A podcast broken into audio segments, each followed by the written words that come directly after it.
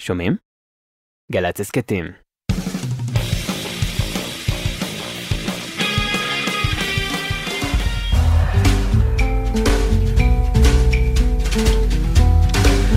אהלן אהלן, שלום עליכם, שבת שלום, שנה טובה.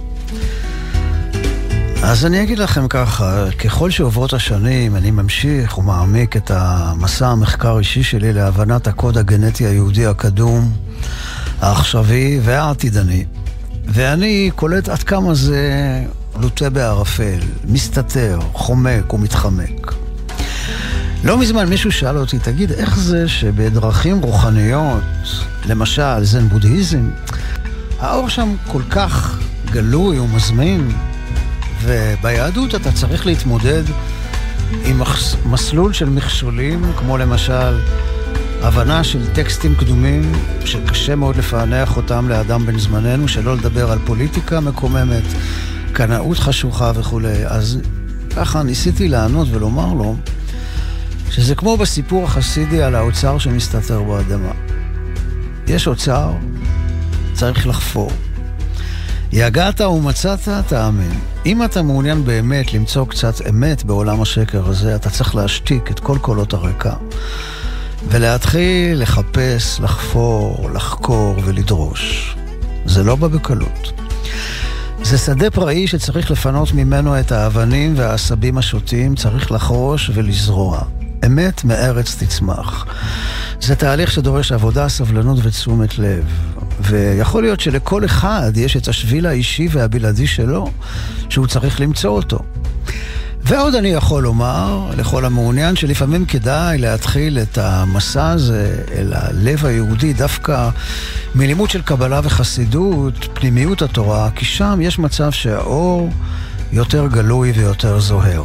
אז בזה המקום היום. אנחנו ננסה ככה, עם מילים וצלילים, על קצה המזלג החד פעמי, לגעת במסתורים של ראש השנה. תשרי זה הראש של השנה, ניסן זה הלב של השנה, אז אני רוצה לפתוח את התוכנית בשיר של גוי, אהוב ויקר. הוא סקוטי, ללא שום זיקה ליהדות. ג'ון מרטין שמו, אללה ירחמו, והוא שר על ראש, לב ואהבה.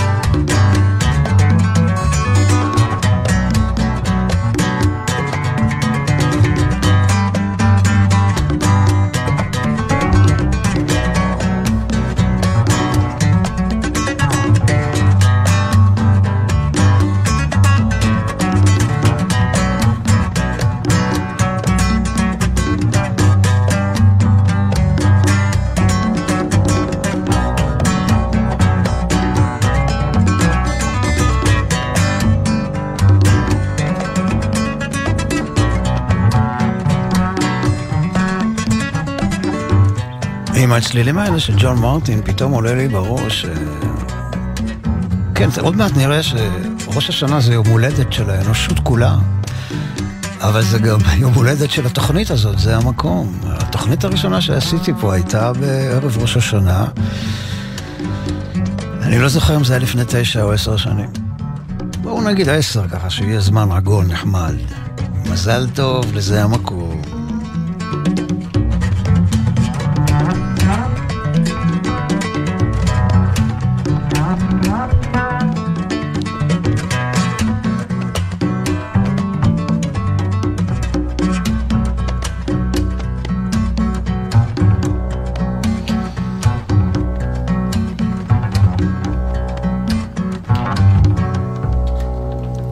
כמו שאמרנו, אנחנו רוצים לגעת קצת אה, במסתורין של אה, ראש השנה. הוא באמת חג אה, מסתורי, אולי אפילו יותר מחגים אחרים. למה? בתורה כתוב, צריך לעשות יום מקרא קודש, זיכרון תרועה בחודש השביעי, שזהו חודש תשרי, אל תתבלבלו.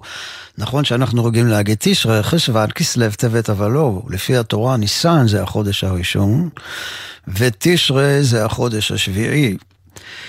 אז צריך לעשות יום זיכרון תרועה בראשון, ביום הראשון של החודש השביעי. זה כל מה שכתוב, לא כתוב למה, מאיפה, זיכרון של מה, תרועה של מה. אז מה פשר הדבר הזה? איזה זיכרון מדובר, ועל איזה תרועה, כלומר באיזה כלי אני צריך להשמיע את התרועה? חצוצרה, טרומבון, סקסופון.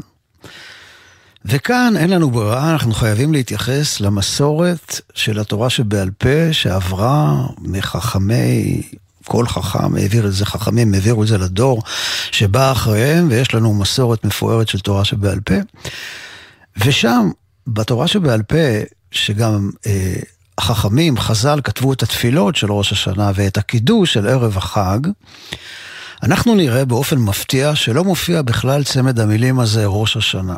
אנחנו לא עושים קידוש על ראש השנה, ואנחנו לא מתפללים ואומרים היום זה ראש השנה. מה אנחנו אומרים? יום הזיכרון.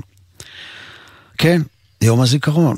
זה קצת מפתיע, כי בשבילנו, אם אני אגיד יום הזיכרון, אז כמובן אנחנו נחשוב שזה היום העצוב אה, שמגיע תמיד לפני יום העצמאות, יום ההתייחדות עם חללי צה"ל וכל חללי השכול.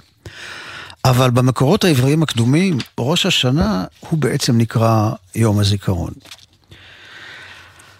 ולפי המסורת של חז"ל, כמו שאמרנו, זה היום של בריאת האדם, יום ההולדת של האנושות כולה, והתאריך הזה, א' בתשרי, אפשר לראות, א' בתשרי בעצם רמוז אה, בזה המילה בראשית. אז מסתבר שהתרועה בעצם באה לעורר את הזיכרון. לצורך זה אנחנו בעצם תוקעים בשופר, ואנחנו אה, מבצעים את התרועה הזו דווקא בשופר, בגלל שיש לו קול פשוט, כן? אתה לא יכול לנגן בו מנגינות כמו בחצוצרה או בסקסופון או בכל כלי נשיפה אחר, אלא לשופר יש צליל של קול פשוט, אחיד, יש בו רק צליל אחד, ויש מצב שאנחנו רוצים להיזכר בצליל הראשון שנשמע אי שם לפני מאות אלפי מיליארדי שנות אור בחלל הפנוי של היקום, בדממה האינסופית שלפני מעשה בראשית, לפני הדיבור האלוהי, יהי אור. זה הצליל של הבום של המפץ הגדול.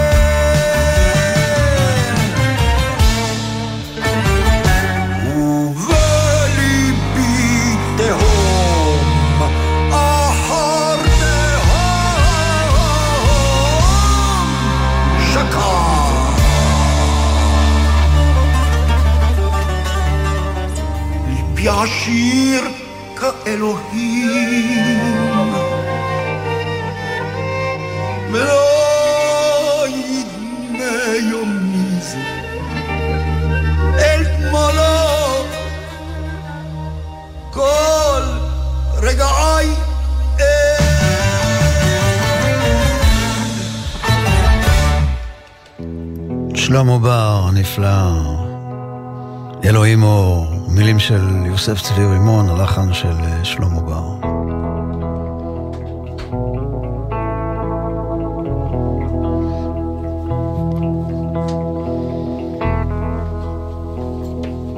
בראש השנה אנחנו אמורים לשים לב לתופעה מופלאה, שמרוב שאנחנו רגילים אליה, אנחנו מקבלים אותה כמשהו מובן מאליו.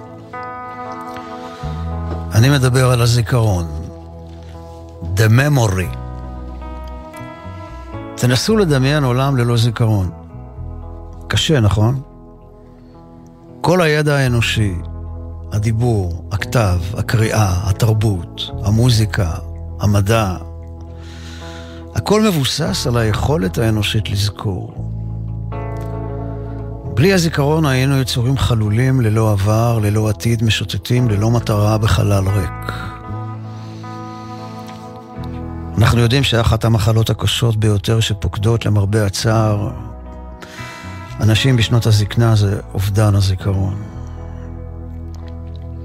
אז אנחנו זוכרים, יש סיפור לבורכס על פונס, הזכרן, שלא שכח כלום. המוח שלו, על המסכין, היה כמו איזה מחסן, מלא מלא דברים, זוכר הכל. אני זוכר כמעט הכל, כן. אבל הבן אדם חייב לשכוח כדי לפנות מקום לזיכרונות חדשים, כמו מחשב שהזיכרון שלו מלא, אז צריך לפנות מקום. אבל יש מחשב אחד, יחיד ומיוחד, בחדר בקרה גבוה מעל גבוה, ששם שום דבר לא נמחק. שם יש זיכרון עומד מקצה העולם ועד סופו. וכך אומרים בתפילת מוסף של ראש השנה. אתה זוכר מעשה עולם ופוקד כל יצורי קדם. לפניך נגלו כל תעלומות והמון נסתרות שמבראשית. כי אין שכחה לפני כיסא כבודך, ואין נסתר מנגד עיניך. אתה זוכר את כל המפעל, הכל גלוי וצפוי לפניך, צופה ומביט עד סוף כל הדורות. זה היום תחילת מעשיך, זיכרון ליום ראשון.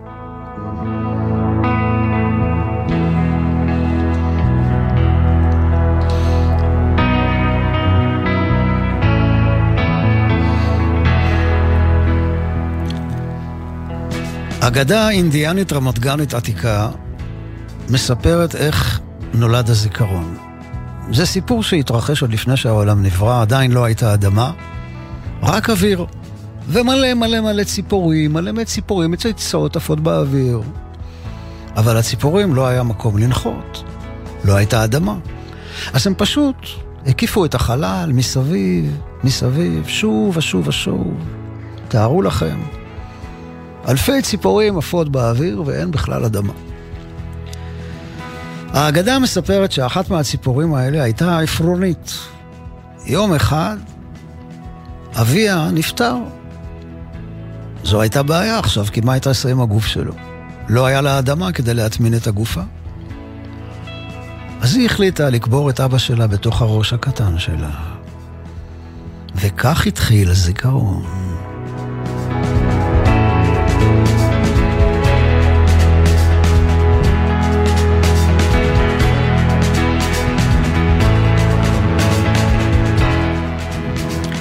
אז למרות המוח הלא ממש גדול שלהן, ציפורים זוכרות מקומות, כמו החסידות, שחוזרות לקנן חורף אחר חורף באותו מקום בדיוק. לפילים יש ראש גדול וזיכרון טוב. מסתבר שגם לסנאים יש זיכרון טוב. הם מטמינים מאות אגוזים במקומות מסתור שונים, והרבה חודשים אחר כך הם זוכרים איפה האגוזים הוחבאו והם מלקטים את כולם.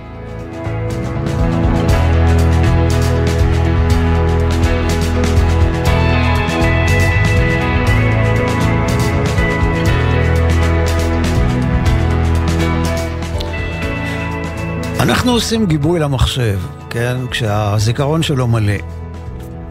אבל איך עושים גיבוי לזיכרון שבמוח? הדרך היחידה שאני מכיר זה לכתוב. כשאני לא מצליח להירדם בגלל זיכרון שחוזר שוב ושוב ולא מרפה כמו בלופ, אני קם, כותב אותו, ואז אני כביכול יכול למחוק אותו זמנית מהראש, וסוף סוף להירדם.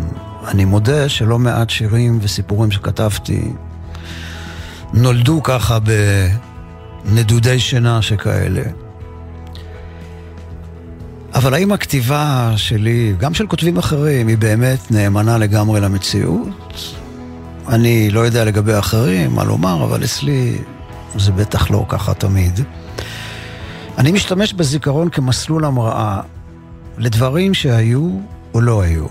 פה ושם מכניס מילים שרציתי לומר ולא אמרתי, פה ושם מוחק מילים שהייתי מעדיף לא לומר.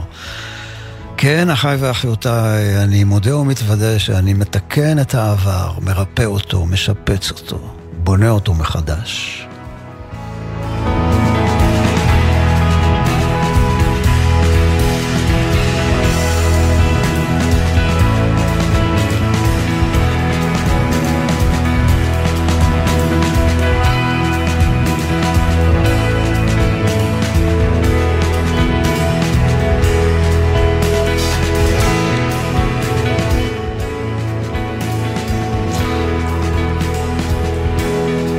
בסיפור שבעת הקפצונים של רבי נחמן מברסלב, הוא מספר על חבורת אנשים שהתקבצו אל מגדל אחד. אה, ניצולים מסערה, מאונייה שטבעה, וכדי להעביר את הזמן, את הלילה, אמרו כל אחד יספר מה הדבר הכי קדום שהוא זוכר. ונלך לפי הסדר מהזקן לצעיר. אז הזקן אמר, אני זוכר שחתכו את התפוח מהענף. זה שצעיר יותר אמר, אני זוכר שהיה נר דולק. זה שאחריו אמר, אני זוכר שהתחיל להתרקם הפרי. וזה שאחריו אמר, אני זוכר שהביאו את הגרעין לנטוע את הפרי. החמישי אמר, אני זוכר שהמציאו את הגרעין. השישי אמר שהוא זוכר את הטעם של הפרי עוד לפני שהוא נכנס אל הפרי. השביעי אמר שהוא זוכר את הריח של הפרי עוד לפני שנכנס לפרי. והשמיני אמר שהוא זוכר את המראה של הפרי עוד לפני שבכלל נהיה פרי. והאחרון, שהיה הצעיר ביותר, אמר, אני לא זוכר כלום. אני זוכר לא כלום. ואז הם החליטו שהזיכרון שלו הוא הקדום ביותר מכל הזיכרונות, למרות שהוא הצעיר מכולם. אז מה ההסבר למה שהם אמרו? ככה רבי נחמן מסביר. זה שזוכר חתכו את התפוח מהענף, זוכר חתכו את הטבור שלו אחרי הלידה. זה שזוכר את הנר שהיה דולק מעל ראשו ברחם אמו, אה, אומרים שברחם אמו, כשהאדם נמצא ברחם אמו, כשהוא עובר, אז נר דולק מעל ראשו, הוא זוכר את תקופת העוברות שלו, שהוא היה ברחם. השלישי זוכר איך הגוף שלו התחיל להתרקם בתוך הרחם. הרביעי זוכר איך הזרע של האבא הפרה את הביצית של האימא, כלומר את מעשה הזיווג של הוריו. החמישי זוכר את המחשבה שהייתה בראש של האבא, עוד לפני שהוא נברא. זה שזוכר את הריח, לפני שהוא נכנס לפרי, זוכר את הנשמה. וזה שזוכר את המראה, בעצם זה שזוכר את המראה זוכר את הנשמה, זה שזוכר את הריח זוכר את הרוח לפני שנכנסה לנשמה. והצעיר מכולם, שלא זוכר כלום, כן? הוא הגיע לזיכרון של למעלה מהזמן. הוא הגיע אל העין, אל החלל הפנוי, שמילא את היקום בטרם נברא העולם, אל הדממה הדקה שלפני המפץ הגדול.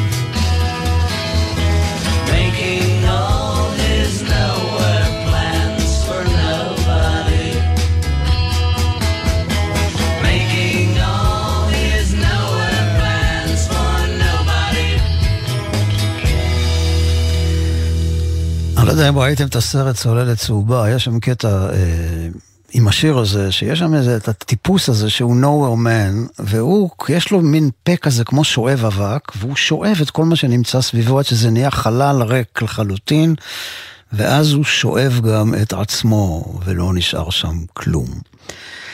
אז אנחנו אה, מדברים על זה שבראש השנה צריך להתעורר, אתם שומעים חבר'ה, להתעורר שם אתם בכל איפה שאתם נמצאים. אבל בעדינות, לא בלחץ, אנחנו לא בעניין של כפייה רוחנית, זה כאילו בנועם, מה שנקרא, להתעורר בנועם. אז כל השופר עוזר לנו להתעורר, ויש בתרועה הזאת איזה מין קריאה להתעורר, לשים לב אל העובדה הפשוטה שחיינו, דמויי החלום, חולפים מהר, ולא תמיד אנחנו שמים לב אל הנשמה, לא תמיד אנחנו שמים לב לעובדה שאנחנו על קרון רכבת שנוסעת בדרכה אל התחנה, אולי לא ממש סופית, כי כל סוף הוא גם התחלה של משהו חדש. בקול של השופר יש את הצליל שמזכיר את הקול האנושי. הזוהר, בפרשת שלח לך, שואל מאיפה מופיע הקול החוזר, ההד, והוא עונה על השאלה ואומר שיש שלושה קולות שלא נאבדים לעולם. קול יולדת בשעת לידתה, קול האדם בשעה שהנשמה יוצאת מגופו, וקול הנחש בשעה שפושט אורו, הוא משוטט באוויר והולך מסוף העולם ועד סוף העולם.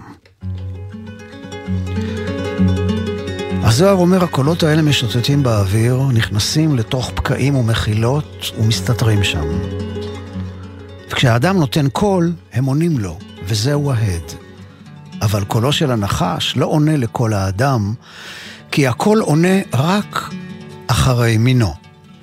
לכן שני הקולות הראשונים, שמקורם באדם, עונים אל קולו של האדם, אבל לא קולו של הנחש, אלא רק קול היולדת וקול האדם בשעה שהנשמה יוצאת מגופו. ועל כן, ביום ראש השנה, אומר הזוהר, כל שופר מעורר כל שופר אחר. השופר שאנחנו תוקעים כאן באדמה מעורר את הקול של השופר השמימי.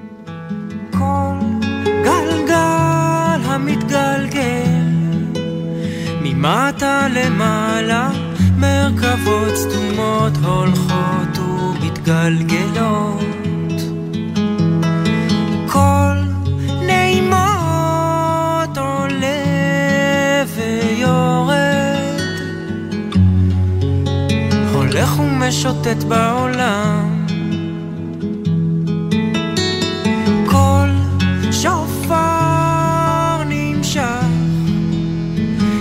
בעומקי המדרגות ומסובב הגלגל סביב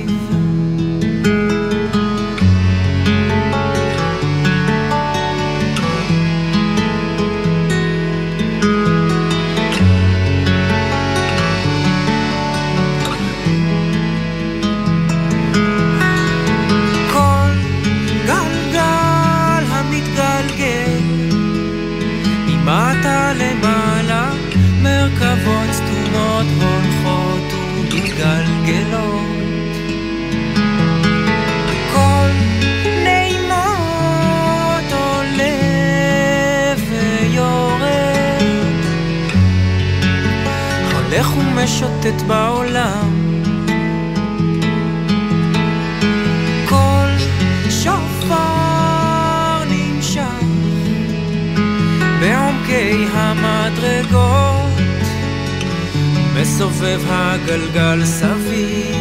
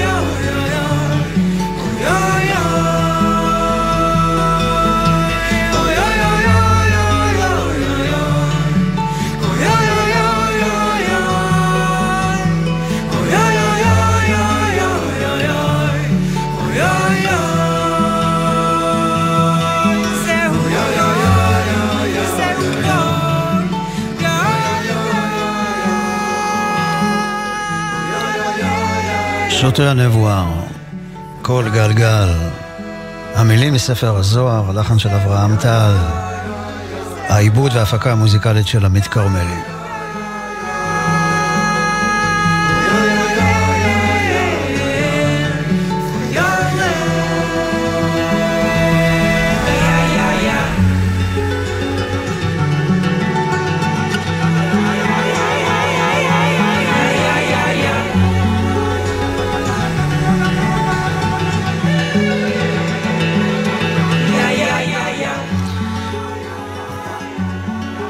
ואנחנו עכשיו אה, הגענו אל אה, פינתנו הלא קבועה, מדע לנוער, וגם למבוגר. אז אתמול הייתה מסיבת עיתונאים של סוכנות החלל נאס"א, שיצאה בהודעה דרמטית, שאחרי מחקר מעמיק הם הגיעו למסקנה שאין הוכחות ברורות לקיומם של חייצני, חוצנים חייזרים ביקום, אבל הם הגיעו למסקנה שיש ללא ספק תופעות שאי אפשר להסביר. כן, בסדר, מה, בשביל זה היה צריך לעשות אה, מסיבת עיתונאים דרמטית, זה ידוע. יש לנו בהחלט תופעות מאוד מוזרות שקשה להסביר.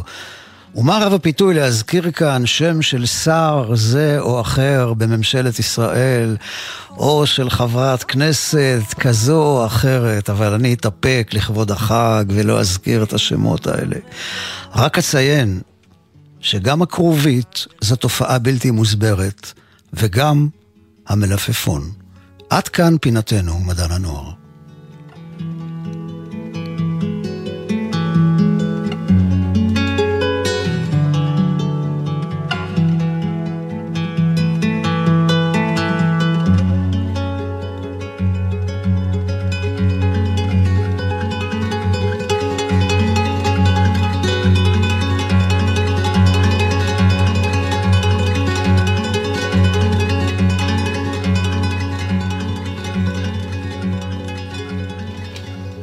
תודה לשוטי הנבואה, ואנחנו עכשיו עם ארז נטף, אה, יוצר באמת מקורי ומעניין מאוד. אני רוצה להשמיע שיר ראשון מתוך אלבום חדש שעתיד לראות אור בקרוב. והשיר הזה נקרא מעבר לים, וארז נטף אה, כותב כך על השיר הזה: כהורים, מי לא מכיר את ההרגשה שלעיתים אתה שוכח את שמך ומי אתה מרוב התובענות בגידול הילדים שלנו. הגיע יום הולדתי ורעייתי שתחיה אמרה לי, סע אליו, אל הים, תתמלא מחדש ותחזור אלינו. אז נסעתי, מלא בגעגועים אל עצמי שנשכח. לאחר כמה שעות של נשימות והתבוננות אל האופק שמעבר לים, אט אט חזרה אליי נשמתי, ועם שיבתי אל עצמי התמלאתי שוב בגעגועים, והפעם לבני ביתי האהובים שמחכים לי בביתי בירושלים. הלוואי שלא נפסיק להתגעגע לטוב האמיתי שלנו. הלחן של ארז נטף, גם המילים, הפקה מוזיקלית של גילי סמטנה. מעבר לים.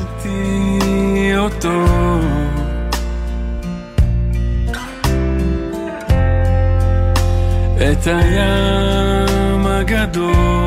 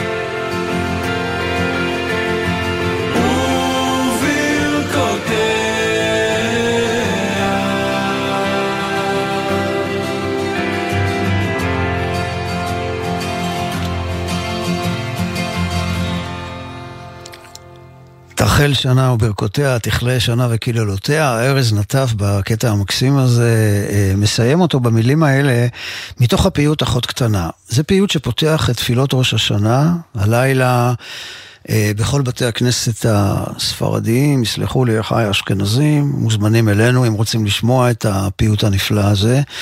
שחובר במאה ה-13 על ידי הרב והמקובל אברהם חזן מגירונה שבספרד.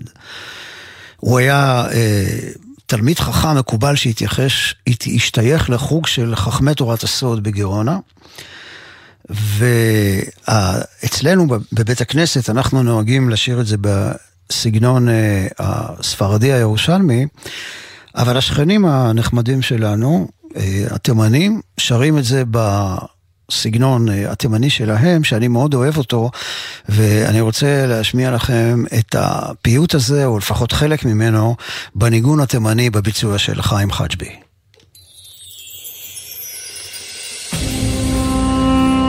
ואם אתם מעריכים אה, עכשיו אה, ריח של חילבה, אז זה כמובן מתבקש.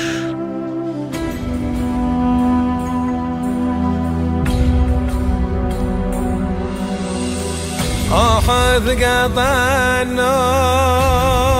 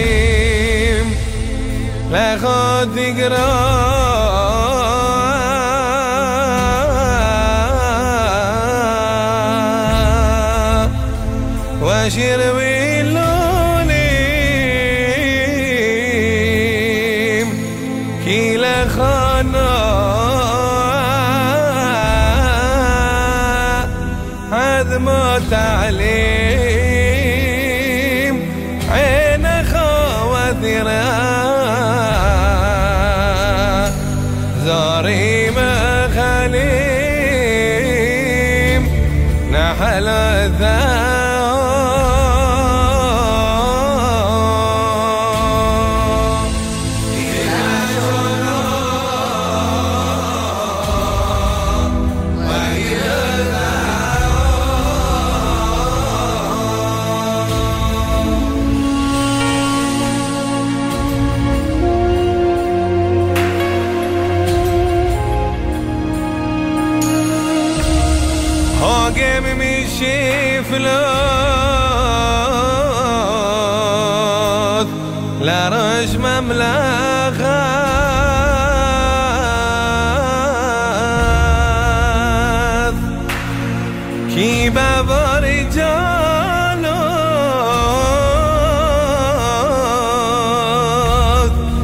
לישון איתך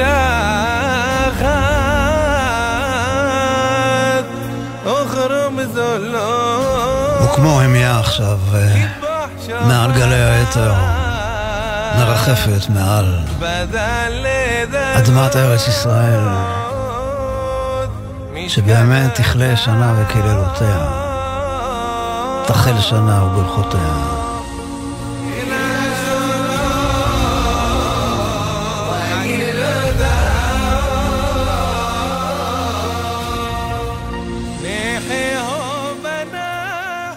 אני אוהב מיזוג גלויות, אז uh, מחיים חג'בי אני עובר לאבא קובנר, שהיה פרטיזן, משורר, גר בקיבוץ עין החורש. בזמן ימי ההמתנה שלפני מלחמת ששת הימים, ביום של השראה גדולה, הוא כתב פואמה בשם אחותי קטנה. בפואמה הזאת הוא מספר על הימים של ימי השואה, כשהוא הסתתר ביחד עם עוד 16 מחבריו במנזר דומיניקני ששמו היה מנזר האחיות הקטנות. שבע נזירות המנזר, וביניהם אם המנזר, האנה, נתנו מקלט והצילו את שבעה עשר היהודים, והם זכו אחרי המלחמה, האחיות האלה, האחיות הרחמים האלה, זכו באות של חסידות אומות העולם.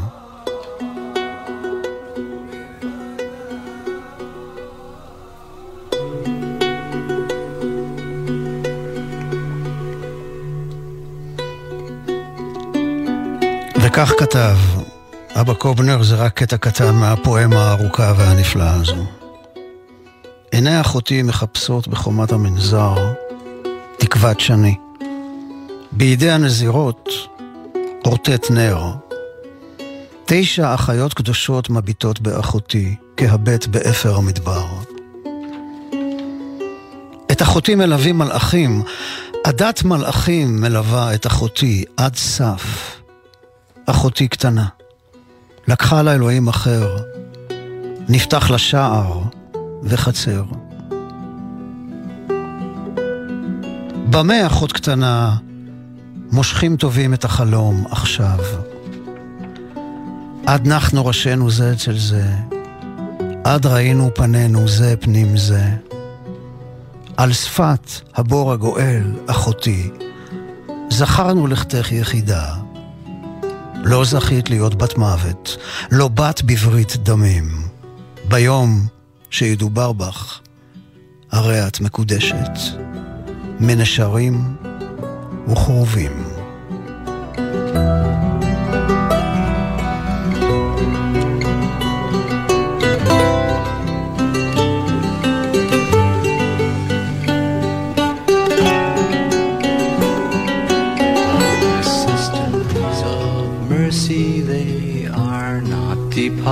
departed or gone.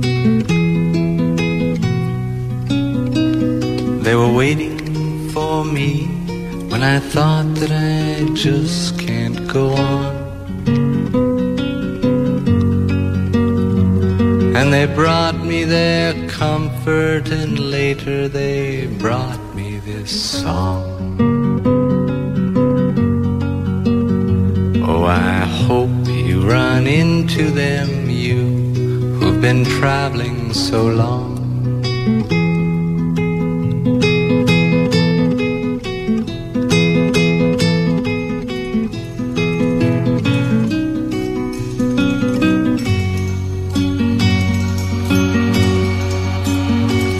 Yes, you who must leave everything that you cannot control. It begins with your family, but soon it comes round to your soul. Well, I've been where you're hanging, I think I can see how you're pinned. When you're not feeling holy, your loneliness says that you've sinned.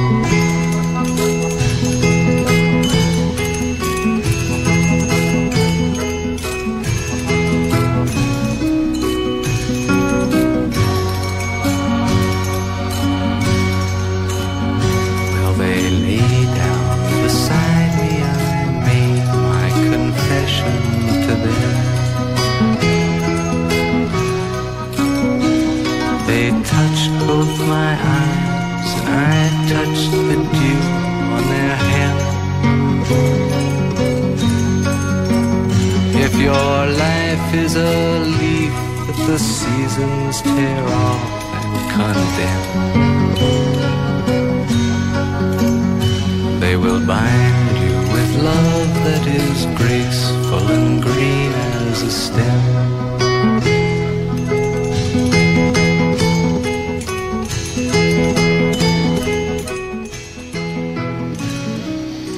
אחיות הרחמים, Sisters of Mercy, ליאונרד כהן. הרב מנחם פרומן זצ"ל סיפר לי פעם שאבא שלו אמר לו, אם אתה מאחר לבית הכנסת בתפילת שחרית ואין לך זמן לקרוא את סיפור העקדה, תאמר רק את הפסוק וילכו שניהם יחדיו ותחשוב עליי ועליך. תחשוב על זה שהאבא הולך והבן הולך בעקבותיו.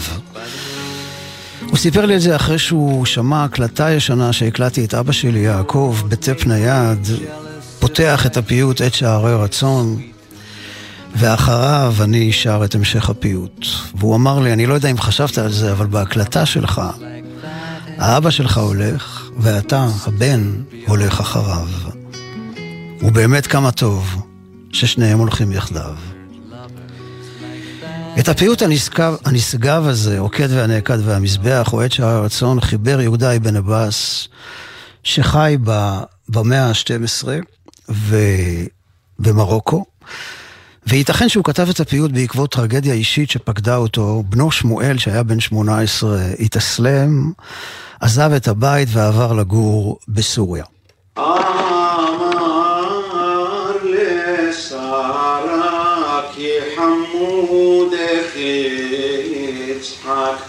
גדל ולא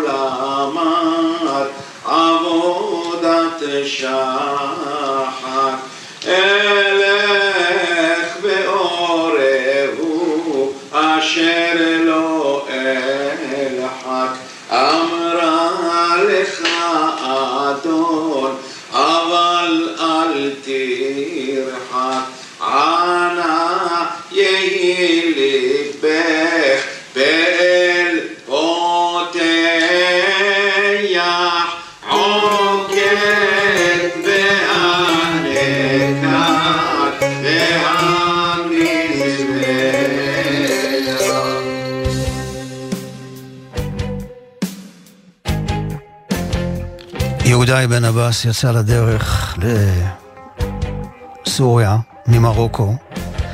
קיווה לפגוש את בנו ואולי יצליח לשכנע אותו לחזור הביתה. אני יכול לראות אותו הולך לבד בדרך, מלא חששות וכאב ותקווה.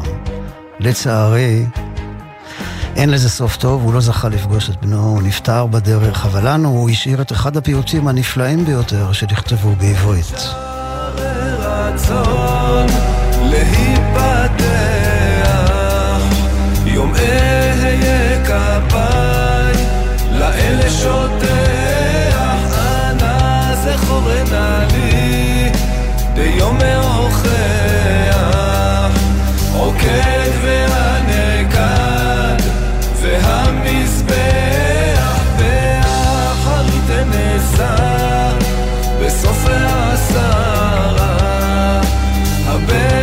אשר נולד, לך משרה, אם נפשך בועד, מעודני כשרה,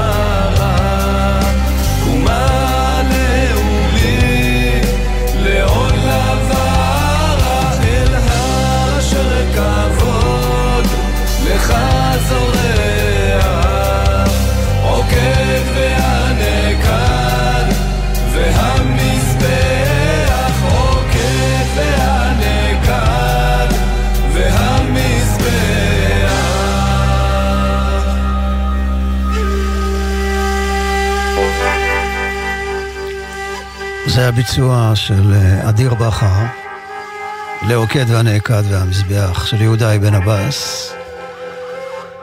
אנחנו מתקרבים אל הסיום, אה, לסיום השנה הזו ותחילה של שנה חדשה. אני רוצה לומר תודה גדולה לאהוד בן ישראל על הניהול הטכני, תודה רבה מאוד לבן שני על ניהול ההפקה. תודה לכם על ההאזנה. ומה אני אגיד לכם, כן? נקווה שנזכה לבשורות טובות, ישועות ונחמות, שיהיה לכולכם שנה טובה ומתוקה, שבת שלום ומבורך, סלמה.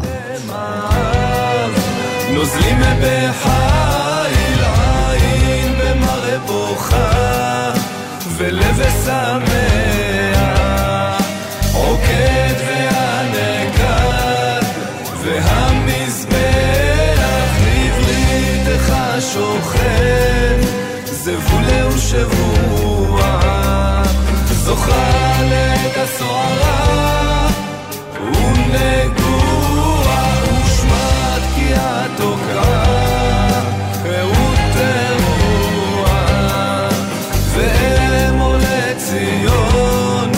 בזמן הישוע ינון ואליה אני שולח